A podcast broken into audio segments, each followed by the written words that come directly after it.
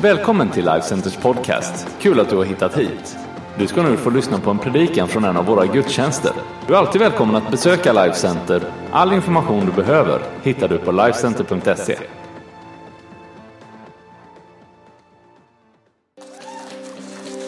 Wow! Tack så mycket. Varsågod och sitt. Det är ju helt fantastiskt att få, få finnas i det här sammanhanget. Och jag vill uttrycka min tacksamhet till er allihopa eh, för att ni hänger i och för att ni stöttar upp och för att ni tror på mig. Så kan man ju uttrycka det. Och eh, folk frågar så här, vad ska du göra med din ledighet? Jag ska inte göra någonting. Det är själva grejen. Jag ska cykla på min cykel. Jag ska dricka mitt kaffe. Ja, men ni förstår liksom. Jag ska inte planera massa saker. Sen ska vi ha naturligtvis semester som familj. Men min ledighet, den ska vara ledig. Det är liksom det. Så att om ni tror att jag har tråkigt så kanske jag har det, men det är nyttigt för mig att ha det. Eh, för det är som Per-Johan säger, vi har hållit ihop nu i 17 år har vi byggt den här församlingen. Eh, och det har ju gjort någonting, men det är helt fantastiskt att se där vi är idag. Helt fantastiskt. Och varenda dag när jag ber så ber jag liksom för mitt eget liv, för min egen familj, för min egen situation, men också för församlingen och för församlingens olika delar. Nu blir jag lite blödig känner jag här då. Eh, och det är fantastiskt att få tänka på vad som ligger framför.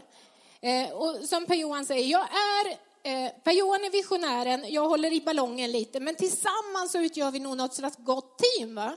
För nu börjar vi prata om Ludvika. Och då händer det någonting med mig. Så här, wow, vi ska få vara med och bygga ett nytt sammanhang. Där jag vet att andra tänker så här kanske, oj, oj, oj, hur ska det gå? Eh, så tänker jag bara, wow, vad spännande. Och jag tror att Gud unnar mig att få vila lite innan dess. Så. Eh, och faktum är att när Tapio liksom ändrar ett fokus så här på sitt insamlingstal idag så ligger det så i linje med det som Gud har förberett i mitt liv för idag. Så att jag tänker att den helige ande vet ju vad han gör. Och den här församlingen är ju en plats eh, och en församling som jag älskar. Och jag sitter med på nationellt plan i samfundet Pingst och har haft förmånen att få vara iväg tillsammans med 300 pingstpastorer och eh, församlingsledare på en två dagars eh, konferens, eller vad man ska säga. Eh, och det är väldigt olikt på många sätt, det vi är. Vi har en stil, vi har ett sätt, vi, vi jobbar på, på ett sätt, men när vi möts som Guds folk över nattvard, över predikan, över lovsång, över förbön, eh, då blir vi liksom ett folk. Oavsett om det, vi kommer ifrån olika sammanhang och olika, det ser olika ut. Men när jag är iväg så där och har det gott med andra människor, absolut, så längtar jag hem. För det finns alltid ett hemma. Eh, och när barnen var små, nu låter det ju väldigt illa det här hör jag, men när barnen var små och man åkte iväg och man hade dem så där nära liksom, då längtade man ju alltid ihjäl sig efter barnen. Eh, nu längtar man lite så där i alla fall efter barnen, Elvira, självklart och Ebba.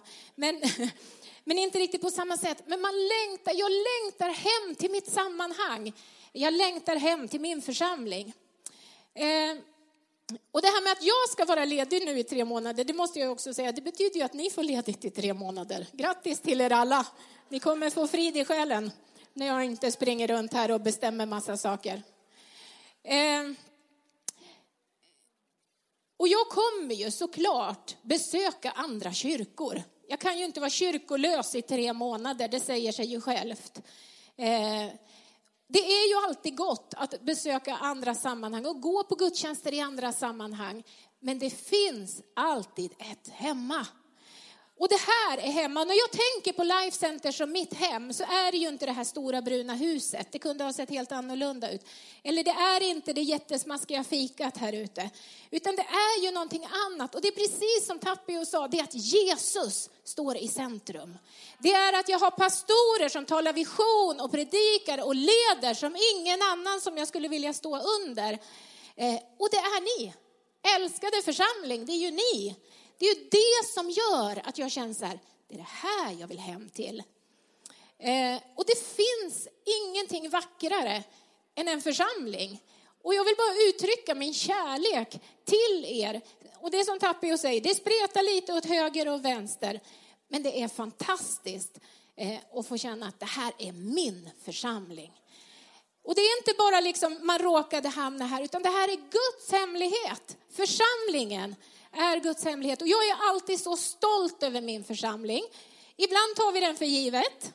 Eh, så fort vi kommer utanför de här väggarna så känner man så här, wow, vad jag är stolt över min församling.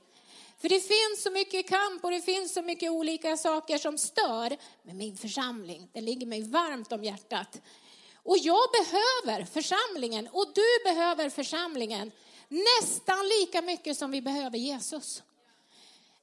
Och jag tänker att vi idag ska prata, eller jag ska tala till er om församlingen. Men vi börjar med att be. Jag tackar dig Herre för att du lyser idag på ditt ord Herre. Jag ber att vi idag ska få uppenbarelse om vem du är och vad du vill göra. Jag tackar dig för att ditt ord är levande och verksamt och gör någonting i våra liv Herre. Tack för att vi får komma med förberedda hjärtan Herre. Och tack för att du talar och möter personligt. I Jesu namn. Amen. När vi läser i Bibeln om detta med församling så talar Jesus väldigt, väldigt lite om församling. Och det var ju för att Jesus kom för att förbereda för den nytestamentliga församlingen. Eh, när den helige ande kom på pingstdagen, då fick den liv och började eh, att leva ut sin tro. Eh, men jag har valt att kalla den här predikan för Varför församling? Varför behöver jag församlingen? Och vad kan jag bidra med i den här eh, församlingsgemenskapen? Vi börjar med att läsa ifrån Apostlagärningarna, Nya Testamentet. Du ska få tre olika saker som jag har lyft upp idag om vad är församling. De höll troget fast vid apostlarnas undervisning och vid gemenskapen, brödsbrytelsen och bönerna. Varje själ greps av bävan och många under och tecken gjordes genom apostlarna. Alla de troende var tillsammans och hade allt gemensamt. De började sälja sina egendomar och ägodelar och delade ut till alla efter vars och ens behov. Varje dag var de troget och enigt tillsammans i templet och i hemmen bröt de bröd och delade måltid med varandra i jublande innerlig glädje. De prisade Gud och var omtyckta av hela folket och Herren ökade var dag skaran med dem som blev frälsta. Det här är en bild av den nytestamentliga församlingen. Och det är inte i första hand en grupp människor, vi kan titta på varandra och säga ja vi är en grupp människor. Det är inte ens i första hand en stor familj som kommer med liksom olika erfarenheter, utan det är i första hand en gemenskap med människor som bekänner sin tro på Jesus Kristus. Eh, det ligger någonting i den här bekännelsen. Det är det som gör att, att det här är en församling. Eh, det handlar också om att sätta honom i centrum.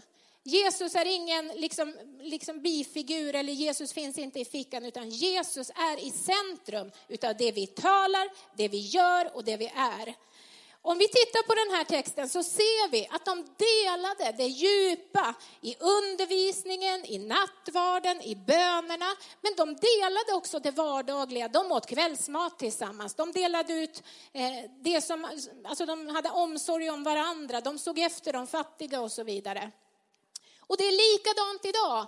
Om jag tittar på den här underbara församlingen som jag kallar för min församling så finns här den som har varit troende ett helt liv den som är alldeles ny.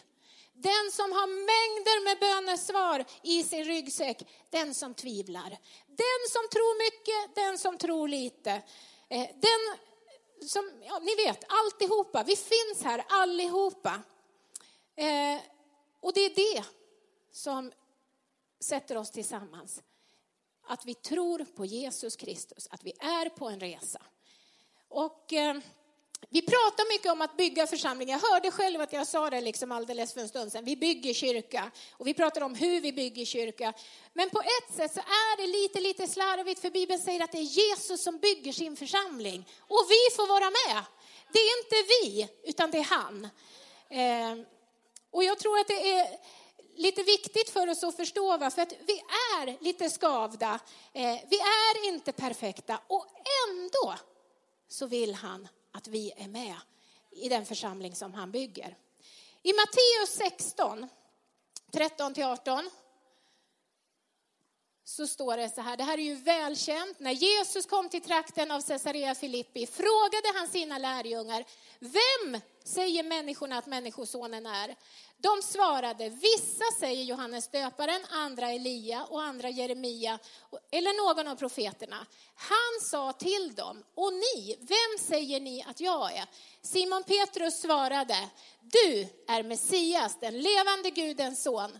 Jesus sa till honom, salig är du Simon, Jonas son, för det är inte kött och blod som har uppenbarat det för dig, utan min far i himlen. Och jag säger till dig, du är Petrus. Där får han ett nytt namn, från Simon till Petrus, som betyder klippa. Och på denna klippa ska jag bygga min församling och helvetets portar ska inte få makt över den. Det här är ett helt fantastiskt sammanhang och en eh, utav två tillfällen som Jesus talar om församling. Petrus var en lärjunge som hade blivit kallad utav Jesus. Eh, han var en sån som eh, gjorde först och tänkte sen. Han var ganska hetlevrad, eh, han var snabb och han var inte så bekväm. Och när han blev kallad så var det förmodligen både en och annan som liksom kliade sig i huvudet och tänkte så här, vad har nu Jesus tänkt? Eh, men i det här sammanhanget så är han med sin snabbhet, med sin iver, den första att säga, du är Jesus, den levande Gudens son. Du är Messias. Jag tror inte att han tänkte så här, vad är rätt svar nu, utan det bara, det hade Gud uppenbarat för honom. Eh, och där och då så säger Jesus till honom så här, nu är du inte längre Simon, utan du är Petrus, du är klippan. För Jesus ser någonting i honom som ingen annan såg. Eh, fastän Petrus genom hela liksom, eh, Eh, berättelsen så misslyckas han. Han lovar stort, han, han förnekar, han gråter, han ångrar sig och misslyckas gång på gång på gång. Men Jesus förlåter och upprättar precis lika många gånger. Därför att han ser någonting i honom. Och i slutänden så ger det en stabil ledare genom Petrus och han blir mäktigt använd. Så när Jesus talar om att bygga sin församling så är det inte på Petrus, utan det är på Petrus bekännelse om vem Jesus är. Eh, och på samma sätt skulle jag säga att det är med vår församling, med Life Center. Eh, Per-Johan, Jesus, han ser dina svaga sidor. Han ser allt det där som inte är så vackert. Men han ser din Jesus-fascination och han ser att du bekänner honom som Herre och utifrån det så har du ett församlingsförtroende. De troendes gemenskap, det betyder att vi finns till för varandra. Gemenskap, det betyder ju tillsammans. Gemenskap kan man aldrig ha själv liksom. Vi skapades till Guds avbild står det. En perfekt gemenskap mellan Fadern, Sonen och den helige Ande. Eh, när, när Gud säger, det är inte bra för människan att leva själv. Adam är alldeles ensam, han måste ha en jämlike. Och så skapar han kvinnan. Bebisar föds ur gemenskap, vi formas och vi fostras liksom i gemenskap med andra. Och jag tror att vi behöver ha med oss den bilden in i församling, att vi är skapade för gemenskap. Man kan vara på olika sätt. Man kan vara Per-Johan som är supersocial och så kan man vara som jag som inte är lika supersocial. Men vi är fortfarande skapade för gemenskap utifrån vilka vi är. Eh, och vi är också kallade till gemenskap. Vi, vi lever i ett samhälle som är superindividuellt. Det handlar om mig, det handlar om mina känslor, det handlar om vad jag tycker. Eh, jag, mig och mitt dyker upp liksom hela tiden. Men där står församlingen som en motkultur och säger nej, gemensamt, tillsammans, vi hör ihop. Den påminner oss om att vi är inte ensamma. Ensam är aldrig stark. Eh, och jag skulle säga så här att den som säger att det räcker med att tro på Jesus, men jag behöver inte församlingen, den lever farligt. Därför att man riskar sin tro. Ja, det handlar om Jesus först, men det handlar om att koppla sig till ett sammanhang där du kan få vara en del av en gemenskap som ah, sätter liksom fötter på den lilla, lilla tro som vi har fått tag i. Eh, I mötet med andra människor så växer min tro. I mötet med, med andra människor så utmanas min tro. I, I, mötet med andra människor så blir jag inspirerad till att ta nya steg. När jag pratar med dig så kan ju jag känna att jag blir väldigt attraherad av det Jesusliv som du lever. Och det som Gud har gjort i mig, det som Jesus har, har visat mig, det kan få betyda något för dig. Så att vi hela tiden tänker att vi har någonting som sätter oss tillsammans och det är tron på Jesus och den kan vi liksom dela. Fastän vi tycker att vi har ju varit frälsta i all oändlighet. Ja, men vi har fortfarande någonting att ge till varandra. Eh, och vi är ju inte perfekta på något sätt. Och vi kan tänka så här, jag kan hamna där ibland att ja, men det finns ju den som har trott så länge och så finns det den som har trott så lite. Men utifrån det mått av tro som vi har så behövs vi i församlingen. Och vi är inte perfekt på något sätt, men han är det. Vi tjänar en perfekt Gud. Och det är det enda vi behöver komma ihåg. Och ibland så tycker vi inte att tron räcker eller den bär inte. Och då är det ju fantastiskt att få bli omsluten av andra troende, av andra som möter en här ute som kramar om en, uppmuntrad av ordet. Och det sämsta vi kan göra, mina vänner, det är att dra oss undan när det inte är perfekt. Kom ihåg, vi är inte perfekta, men han är perfekt. Det är han som kan göra någonting i våra liv. Men kom, ju sämre vi mår, ju mer ska vi komma. Ju sämre vi mår, desto längre fram ska vi sitta. Därför att vi söker efter det som kan göra skillnad. Så jag ska uppmuntra liksom alla att kom hit när du är stark, men kom hit när du är svag. Kom hit när du är glad, kom hit när du är ledsen. Kom hit eh, och var här, för det är här som förändringen sker. Det finns två personer i den här församlingen, det finns ju jättemånga, men det finns två stycken i den här församlingen som jag eh, känner till historien. Vi känner, jag känner till mångas historia, men det finns två stycken som jag ändå känner till eh, ordentligt.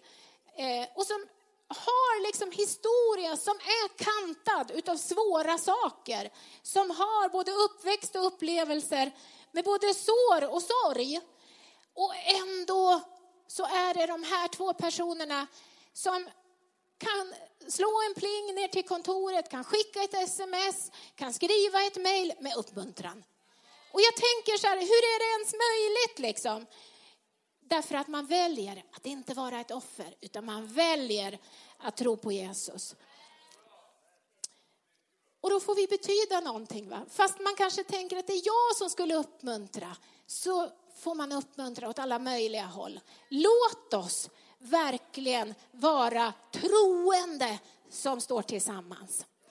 Eller när du tycker att du inte har någonting att ge. Och vet du, vi har aldrig blivit utmanade att ge det vi inte har.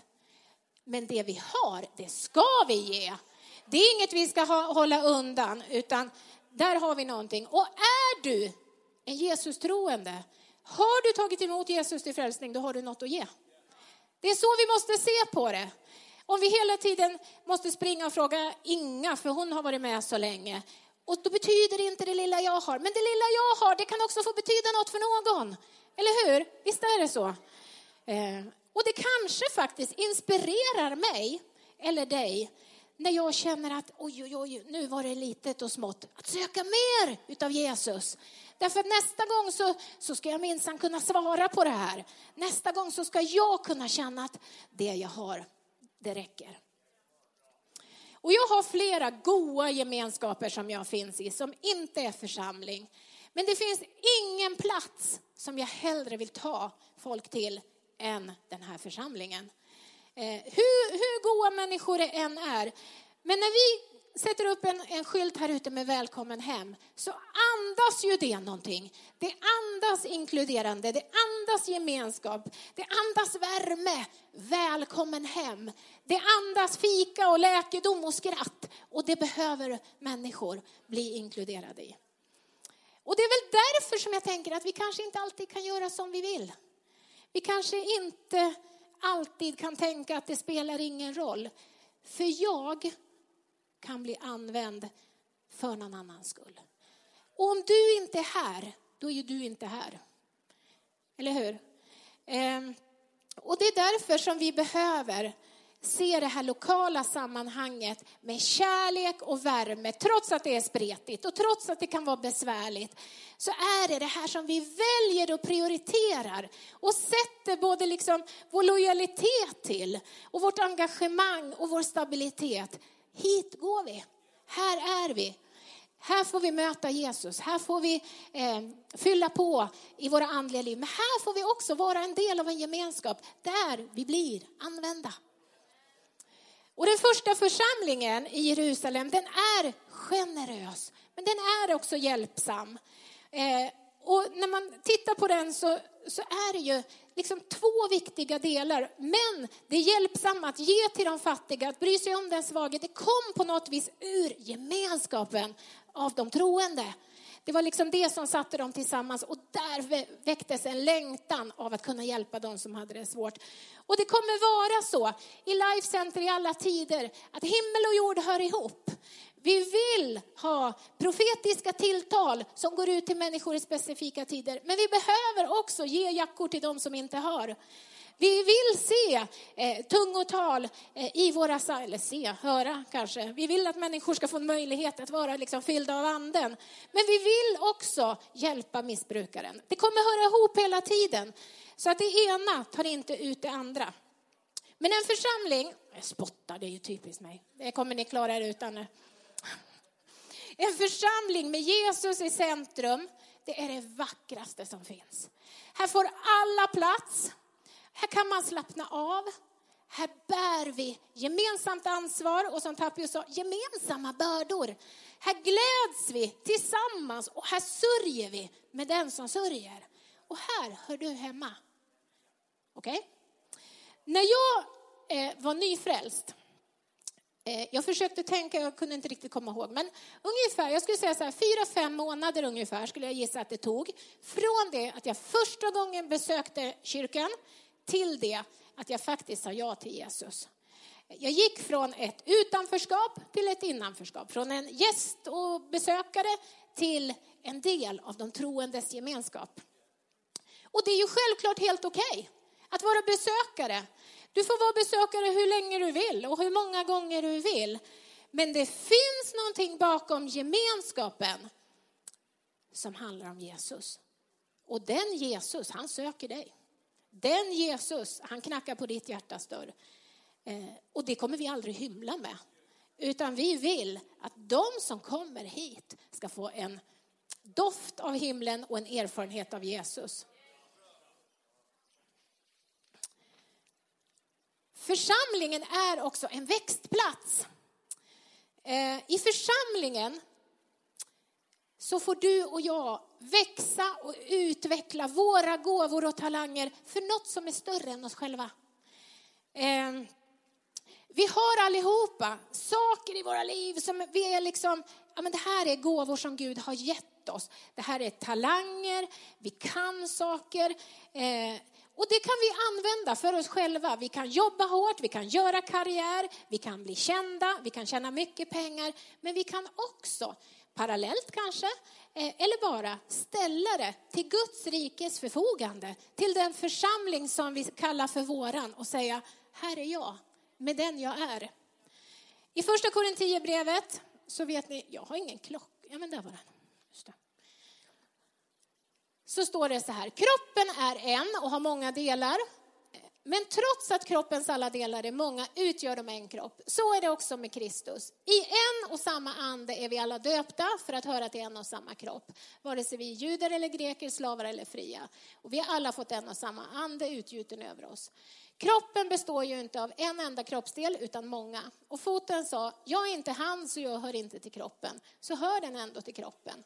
Och om örat sa, jag är inte ett öga så jag hör inte till kroppen, så hör den ändå till kroppen. Om hela kroppen vore öga, vad fanns då hörseln? Och om allt vore hörsel, vad fanns då luktsinnet? Men nu har Gud satt samman delarna i kroppen, var och en efter dem som han ville. Och alla vore en enda kroppsdel. Vad vore då kroppen? Men nu är kroppsdelarna många och kroppen är ändå en. Det här är ju en fantastisk bild av församlingen där Jesus är huvudet och vi, församlingen, är kroppen. Och huvudet behöver kroppen och kroppen behöver huvudet, men är, kroppen är alltid underordnad huvudet. Så Jesus är alltid eh, över det som är sin församling.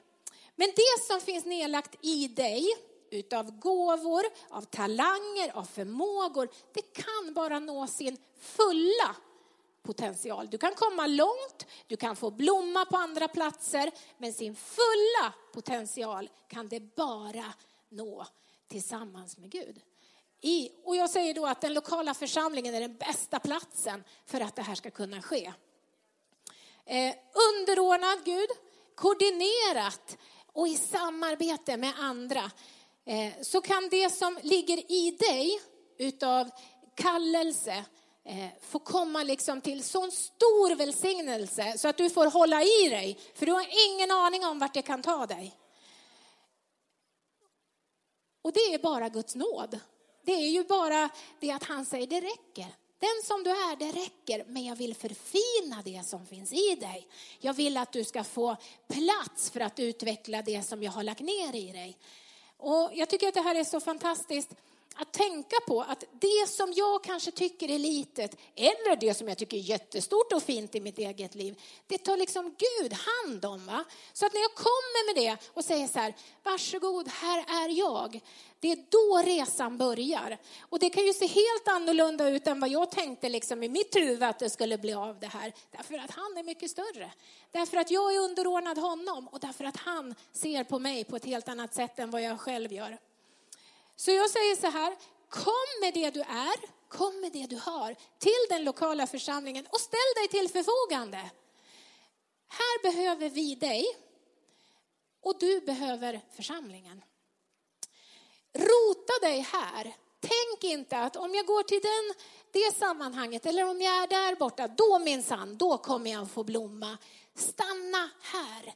Jag har varit här och, och jobbat tillsammans med Per-Johan i den här församlingen i 17 år. Det är väl klart att det har funnits tider när jag har känt så här, åh, det kanske finns något annat, liksom där allt det här som jag ändå längtar efter kan få bli synligt. Men för varenda år som jag har stått kvar och rotat mig och sagt det här är min församling, eh, så händer någonting. Så händer det nya saker, så öppnas nya dörrar, så fylls jag med mera större andra saker. Och jag säger att det är samma sak för dig.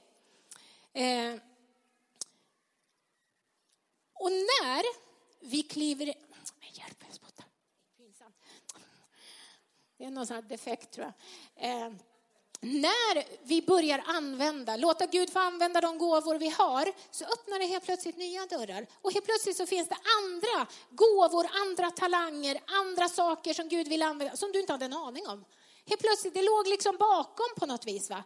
Eh, och, och, vi kan ju säga så här att ibland så får vi ju syn på, jag menar helt plötsligt så är jag en lovsångsledare så är man så här, en, vilken fantastisk liksom, eh, karaktär det finns i den här personen. Här kanske vi ska utmana till det här. Och så liksom dyker det upp saker ut med resan som vi inte har sett tidigare. Eh, och jag skulle vilja säga så här också, en, en sak som är intressant. Jag sitter ju på arbetsgivarstolen ibland inne på förskolan, anställer människor. Och jag kan se, jag har anställt flera stycken unga människor ifrån vårt sammanhang, vad det faktiskt gör att tjäna några år i en församling vad de får med sig för någonting. Det skapar mod att prova. Det skapar liksom en trygghet att man kan misslyckas och man kan lyckas. Och man reser sig igen. Det skapar sociala förmågor ska ni veta som jag inte vet om man kan få någon annanstans. Men det skapar också en ödmjukhet och det skapar en eh, kunskap och en förmåga om att kunna möta olika sorters människor. Så det är ju gåvor som kommer till nytta utanför församlingen, men som är framputsade i den lokala församlingen. Och det, det ska vi liksom aldrig förringa. Och Per-Johan har talat om det här med att tjäna. Och vi tjänar för att Guds rike ska breda ut sig. Vi tjänar för att göra honom känd, men vi tjänar också för församlingens skull. För att om ingen idag tjänade så skulle vi inte få någonting gjort. Eh, men vi pekar hela tiden på Jesus. Men du får också tjäna för din egen skull. För att din gåva och din talang och det du bär på, din längtan, ska få bli framputsad och förfinad. Och du som är förälder här, gör aldrig det misstaget att hindra ditt barn från att tjäna i församlingen. Om det så är i det lilla, man börjar någonstans liksom, men vare sig du eller jag vill att de ska ut någon annanstans och testa sina liksom, skills någon annanstans, utan här finns det utrymme för ditt och mitt barn. Och vi kanske inte alltid ens vet vilka gåvor jag har. Det är ju lätt att säga så här, ja men här kommer jag, jag är ju, hmm. Ja, men om vi inte vet det då? Nej, men det är det som är så fantastiskt, att vi tillsammans, det finns alltid någon som kommer se det i dig. Det finns alltid någon som kan liksom öppna en dörr i dig. Det finns någon som kan hjälpa dig att putsa upp det där som du inte själv hade sett. Att tala in och utmana dig. Eh, det finns alltid någon vi kan titta på. Vi pratade lite om det här hemma igår. Då sa Elvira så här, i församlingen så finns det alltid någon man kan titta på som liksom går före. Och jag tänker att det är precis likadant. Vänd dig om och titta bakom. Vem har du bakom som du kan ta med dig på resan? Och även om jag tar med mig någon på resan som inte kommer göra det jag gör, så får jag ändå fostra någon, så får jag ändå putsa på någons gåva, så får jag ändå liksom peka ut en väg. Eh, och i församlingen så talar vi inte om karriär, vi talar inte om jag och min strålglans, utan vi talar om att vi pekar på Jesus och att vi gör det här tillsammans. Ehm, och vi är som en, en trädgård på något vis. Va? Där vi växer i lite olika takt, där det ser lite olika ut. Eh, och där man ibland får ansa lite, där man får klippa ner lite för att det ska växa och blomstra igen. Men här hör du och dina gåvor hemma. Och så till det sista då, och så kan man tänka sig, det här är nog det viktigaste. Jag tror att alla tre de här delarna faktiskt är lika viktiga om man ska få liksom studs på det. Va? Församlingen är Guds redskap för att vinna en förlorad värld. Det är de troendes gemenskap, det är en växtplats för dina och mina gåvor, eh, att de ska få komma liksom till full blom, men det är Guds redskap för att vinna den här världen. Matteus 28, vi har läst det hundra gånger, minst har jag läst det här i alla fall. Då trädde Jesus fram och talade till dem och sa, åt mig har getts all makt i himlen och på jorden, det handlar om honom. Gå därför ut och gör alla folk till lärjungar. Döp dem i Faderns och Sonens och den helige Andes namn och lär dem att hålla allt vad jag har befallt er. Det här gäller mig, men det gäller också oss. Det gäller den enskilda individen, men det gäller också församlingen som helhet. Vi är kallade. Det här är den enda liksom befallningen. Det här ska vi göra. Eh, det finns mycket som det vore bra om, liksom, men det här är uppdraget.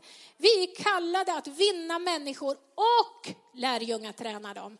Vi är kallade att eh, inte enbart välja de redan troendes härliga sköna gemenskap över kyrkkaffet. Eller att vi är liksom en plats där gåvor och, och eh, talanger kan få komma i funktion. Utan uppdraget, det är att vinna världen. Jesus har gett det till sina lärjungar och Jesus ger det till oss idag. Och vi kan inte välja bort det. Vårt uppdrag är att koppla så många människor som vi bara kan till vårt sammanhang, till den varma gemenskapen utav redan troende, till en plats där människors eh, talanger, gåvor, längtan får komma. Det är vårt uppdrag och vi kan inte välja bort det. Vinnandet, tror jag, det sker genom att vi lever passionerade Jesusliv. Vi behöver leva attraktiva liv. Vi behöver komma samman som kyrka, vi behöver fylla oss med Guds ord, vi behöver få lite andliga muskler. Vi ger varandra en high five utav mod och så går vi. Jag tror inte att det ska vara svårare än så. Vi pratar nästan alltid om något sidospår och du som. Nej, inte och du som. Lev med Jesus, låt honom få lysa igenom dig, skaffa lite ah, och gå.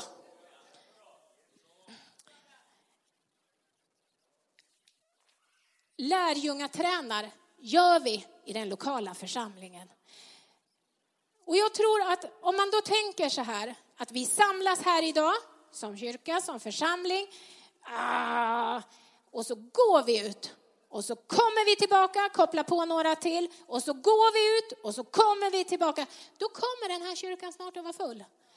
Så att vi behöver liksom se att vi samlar och vi sänder. Vi samlar och vi sänder. Men det är inte bara vi, eller bara, det är vi och några till nästa söndag. Och söndagen därpå så är det vi och några till, vi och några till. Därför att vi går ut och hämtar in. Vi går ut och hämtar in. Och vi vet ju aldrig vem vi har framför oss. Vem det är vi lärjungatränar. Vem det är som faktiskt sitter bredvid dig här ute och dricker kaffe. Vem du delar det här lilla som du kanske tycker att du har med. Någon lärjungatränade pastor Brian Houston. Någon gjorde det. Idag är han en av världens största församlingsbyggare. Någon tränade Reinhard Bonke som har rest över världen och vunnit så många människor. Någon lärjungatränade pastor Per Johan. Vi vet inte vem vi har i vår hand, men vi vet att uppdraget är att vinna människor och göra dem till lärjungar. Att döpa dem i Faderns, Sonens och den helige Andes namn. Och när Bibeln talar, jag ska dra på lite nu, om församlingstillväxt i Apostlagärningarna så står det ju i det här första ordet vi läste att församlingen växte liksom för varje gång. Men jag tror inte att folk liksom bara flög in i församlingen, utan jag tror att de hade upplevt någonting så fantastiskt som de inte kunde knipa med, utan de ringde på oss grannen, nej de kanske inte ringde, de knackade på oss grannen, de hämtade folk på torget och de drog in dem till sitt lokala sammanhang. Och tycker vi att vi är en spretig församling, vad tror ni inte det var då i början? Alla, alla möjliga och omöjliga samtidigt. Men de kom tillsammans. Och när vi sjunger sången eh, på tredje dagen i gryningen och så kommer vi till en text där som är så här, du död, var har du nu din udd? Det sjunger vi utifrån ett mandat. Därför att vi som församling är världens hopp. Och vi behöver nog förstå att ideologier eller idéer eller tankar eller mänskliga projekt, de kommer och de går. Men kyrkan, församlingen, den står fast. Den är oövervinnerlig, hur det än stormar runt omkring, för att den är Guds. Det är Jesus som bygger sin församling. Och du och jag behöver bara förstå hur vår kallelse, eh, hur uppdraget och hur mitt lokala sammanhang hänger ihop. Så vi, Per Johan brukar säga så här, vi måste vara lite restriktiva. Men jag säger så här, vi har världens bästa kyrka att bjuda in till. Världens bästa sammanhang att bjuda med vänner och bekanta till. Och jag vet att du tycker att vi har det. Eh, och om vi gör våran del så kommer han att göra sin del. Vi behöver inte ta ansvar för hur Jesus gör. Han får göra som han vill. Men vi tar ansvar för det som är vårt uppdrag. Eh, och jag drömmer om en fullsatt kyrka. Och jag drömmer om en fullsatt kyrka flera gånger. Men drömmen börjar med mig. Drömmen börjar med att jag tar mitt ansvar, mitt uppdrag på fullaste allvar. Nu ska vi sjunga. Och den här sången vi ska sjunga, nu ska du sjunga den som du aldrig har sjungit den tidigare. Över ditt eget liv, men också över församlingen.